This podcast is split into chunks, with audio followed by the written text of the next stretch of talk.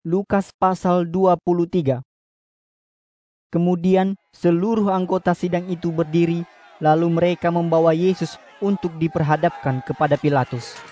Di situ mereka mulai menuduh Yesus dengan berkata, Orang ini menyesatkan bangsa kami, menghasut orang-orang supaya tidak membayar pajak kepada kerajaan Roma, dan mengakui dirinya Kristus, yaitu Raja orang Yahudi. Lalu Pilatus bertanya kepada Yesus, Apakah benar kamu ini Raja orang Yahudi? Jawab Yesus, Demikianlah. Lalu Pilatus berkata kepada para imam kepala dan orang banyak itu, Saya tidak menemukan kesalahan apa pun pada orang ini.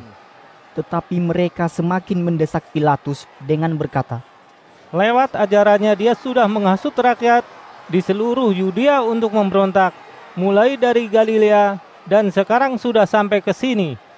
Mendengar itu, Pilatus bertanya, Apakah orang ini orang Galilea? Ketika dia tahu bahwa Yesus berasal dari wilayah kekuasaan Raja Herodes, maka dia menyuruh orang membawa Yesus kepada Herodes, yang pada waktu itu kebetulan dia sedang ada di Yerusalem. Herodes sudah lama ingin melihat Yesus karena dia sudah mendengar banyak hal tentang Yesus. Jadi, dia senang sekali melihat Yesus dan berharap bisa melihat Yesus melakukan suatu keajaiban. Herodes menanyai dia dengan banyak pertanyaan, tetapi Yesus tidak menjawabnya sama sekali. Tetapi dalam waktu yang bersamaan, para imam kepala dan para ahli Taurat berdiri di dekat Yesus dan terus saja melemparkan tuduhan terhadap Yesus. Maka Herodes dan juga para tentaranya menghinanya dan mempermainkannya. Ketika Herodes mengejek Yesus sebagai seorang raja, dia menyuruh mereka memakaikan jubah yang indah kepada Yesus. Jadi masih dalam keadaan memakai jubah itu, Herodes menyuruh para tentaranya untuk mengantarkan Yesus kembali kepada Pilatus. Dan sejak saat itu, Herodes dan Pilatus menjadi bersahabat, karena sebelumnya mereka saling membenci. Lalu Pilatus mengumpulkan para imam kepala, para anggota sidang mahkamah agama, serta rakyat. Katanya kepada mereka, Kalian mengantarkan orang ini kepada saya dengan tuduhan bahwa dia menghasut rakyat untuk memberontak. Tetapi waktu saya memeriksa dia di depan kalian, saya tidak menemukan kesalahan seperti yang kalian tuduhkan kepadanya. Dan Herodes pun tidak menemukan kesalahan padanya. Karena itu, Herodes menyuruh Yesus diantarkan kembali kepada kita di sini. Sungguh, tidak ada satu kesalahan pun yang Yesus lakukan yang membuat dia pantas dihukum mati. Jadi, saya akan menyuruh para tentara saya untuk mencambuki dia. Sesudah itu, saya lepaskan. Akan tetapi, semua orang yang berkumpul di situ berteriak, Bunuh dia! Bebaskan Barabas untuk kami! Barabas sedang dipenjarakan karena dia melakukan suatu pemberontakan dan kekacauan di kota itu, dan karena dia terlibat dalam pembunuhan satu orang dalam kekacauan itu. Pilatus ingin membebaskan Yesus, jadi dia berbicara lagi kepada orang banyak itu dengan suara keras. Tetapi semakin keras lagi mereka berteriak-teriak, Salibkan dia! Salibkan dia! dan untuk ketiga kalinya Pilatus bertanya kepada mereka, Kejahatan apakah yang sudah dilakukan orang ini? Tidak ada satu kesalahan pun yang dia lakukan yang membuat dia pantas dihukum mati. Karena itu, saya akan menyuruh para tentara saya untuk mencambuki dia. Sesudah itu, saya lepaskan. Tetapi mereka semakin keras berteriak untuk mendesak dan menuntut supaya Yesus disalibkan. Dan akhirnya mereka menang karena teriakan mereka yang keras itu. Pilatus pun menjatuhkan hukuman mati kepada Yesus sesuai dengan tuntutan orang banyak itu. Keputusannya itu memang sungguh tidak adil, karena hanya berdasarkan tuntutan mereka, dia membebaskan Barabas yang dipenjarakan karena melakukan pemberontakan serta terlibat dalam pembunuhan. Sedangkan Yesus diserahkannya untuk mereka perlakukan sesuai dengan keinginan hati mereka. Sesudah Yesus dicambuki, lalu tentara-tentara Roma membawa dia keluar kota Yerusalem. Yesus sendiri yang memikul kayu salibnya. Tetapi ketika tentara-tentara itu melihat seseorang yang bernama Simon yang berasal dari kota Kirene dan kebetulan baru saja memasuki kota, mereka memaksa dia untuk memikul salib Yesus itu dengan berjalan di belakang Yesus. Banyak sekali orang yang mengikuti Yesus dari belakang, antara lain para perempuan yang menangisi dan meratapi penderitaannya. Tetapi Yesus berpaling kepada mereka dan berkata, Hai ibu-ibu Yerusalem, janganlah menangisi aku, tetapi tangisilah diri kalian sendiri dan anak-anak kalian. Karena akan tiba waktunya Allah menghukum kota ini. Dan pada waktu itu orang-orang akan berkata, Berbahagialah ibu mandul yang tidak pernah hamil, tidak pernah melahirkan, atau tidak pernah menyusui. Karena kesusahan yang terjadi pada waktu itu begitu ngeri sehingga penduduk daerah ini akan berteriak, "Hai gunung-gunung dan bukit-bukit, runtuhlah dan segera timpa kami!" Karena kalau sekarang orang-orang memperlakukan aku seperti ini, coba bayangkan kejahatan yang seperti apa lagi yang akan dilakukan manusia ketika sudah tiba masanya. Para tentara itu juga menggiring dua orang penjahat yang sudah dijatuhi hukuman mati supaya menyalibkan keduanya bersamaan dengan Yesus. Sesudah tiba di tempat yang bernama Tengkorak, tentara-tentara itu pun menyalibkan Yesus dan juga kedua penjahat itu. Yang seorang disalibkan di sebelah kanannya dan yang seorang lagi di sebelah kirinya. Kemudian Yesus berkata, Bapa,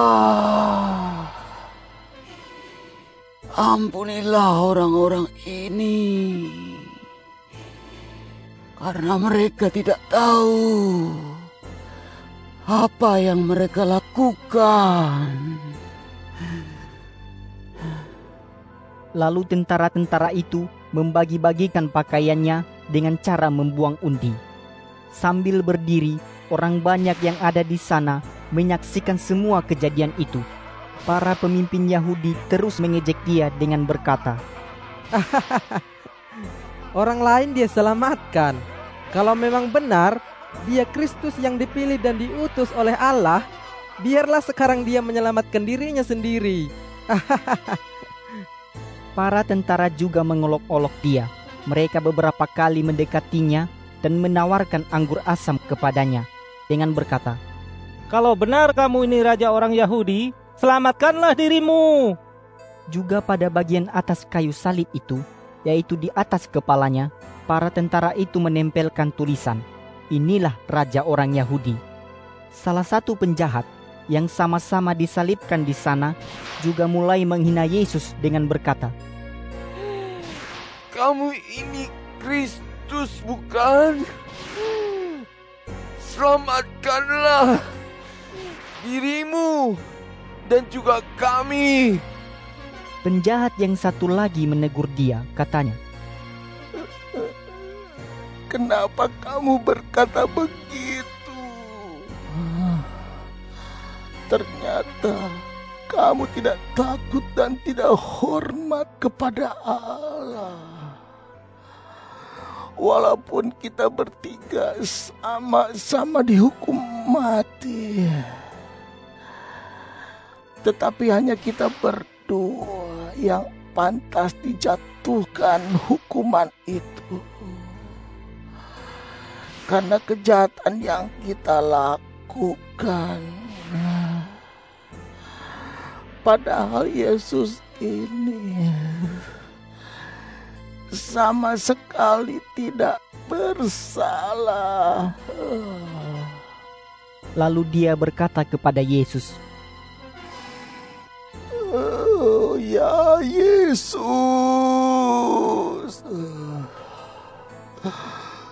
tolong ingat saya ketika engkau sudah mulai memerintah sebagai raja. Yesus menjawabnya, Sesungguhnya aku berkata kepadamu, mulai hari ini juga kamu sudah bersama dengan aku di surga. Kira-kira jam 12 siang, tiba-tiba matahari berhenti bersinar, sehingga seluruh negeri itu menjadi gelap sampai jam 3 sore. Keajaiban lain yang terjadi adalah gorden yang selalu tergantung pada pintu ruang kudus di dalam rumah Allah robek sendiri dari atas sampai ke bawah menjadi dua bagian. Lalu Yesus berseru dengan suara keras,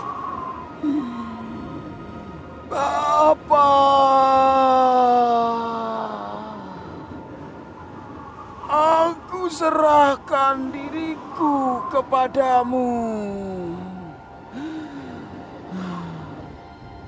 Sesudah berkata begitu, dia menghembuskan nafas terakhir. Ketika komandan kompi yang memimpin para tentara tersebut melihat kejadian itu, dia memuji Allah dengan berkata, Sungguh, orang ini tidak bersalah. Ketika melihat kejadian-kejadian itu, semua orang banyak yang berkumpul menyaksikan kematian ketiga orang itu, pulang dengan hati yang sangat sedih dan menyesal. Tetapi semua sahabatnya berdiri jauh-jauh sambil menyaksikan semua kejadian itu, termasuk ibu-ibu yang menyertai dia dari Galilea. Ada seorang laki-laki bernama Yusuf yang berasal dari kota Arimatea di provinsi Yudea. Dia orang baik dan jujur, dan sedang menunggu saatnya Allah dengan nyata mendirikan kerajaannya di dunia ini. Dia anggota sidang mahkamah agama Yahudi, tetapi dia tidak setuju atas keputusan dan tindakan sidang itu terhadap Yesus. Jadi, segera sesudah Yesus mati, Yusuf pergi menghadap Pilatus supaya dia diizinkan menguburkan mayat Yesus. Atas izin Pilatus, Yusuf dan beberapa orang lain menurunkan mayatnya, lalu membungkusnya dengan kain kafan yang terbuat dari linen. Lalu mereka meletakkannya di dalam kuburan yang dibuat seperti gua di dalam bukit batu. Kuburan itu masih baru dan belum pernah dipakai. Hal-hal itu dilakukan pada hari Jumat ketika hari Sabat hampir mulai. Ibu-ibu yang menyertai Yesus dari Galilea itu mengikuti Yusuf dari jauh, melihat kuburan Yesus, dan juga bagaimana Yusuf meletakkan mayat Yesus di situ. Kemudian mereka kembali ke Yerusalem untuk menyiapkan rempah-rempah yang harum dan minyak mur untuk membungkus mayat Yesus dengan baik, sesuai dengan kebiasaan orang Yahudi. Dan pada hari Sabat, mereka beristirahat menaati hukum Taurat.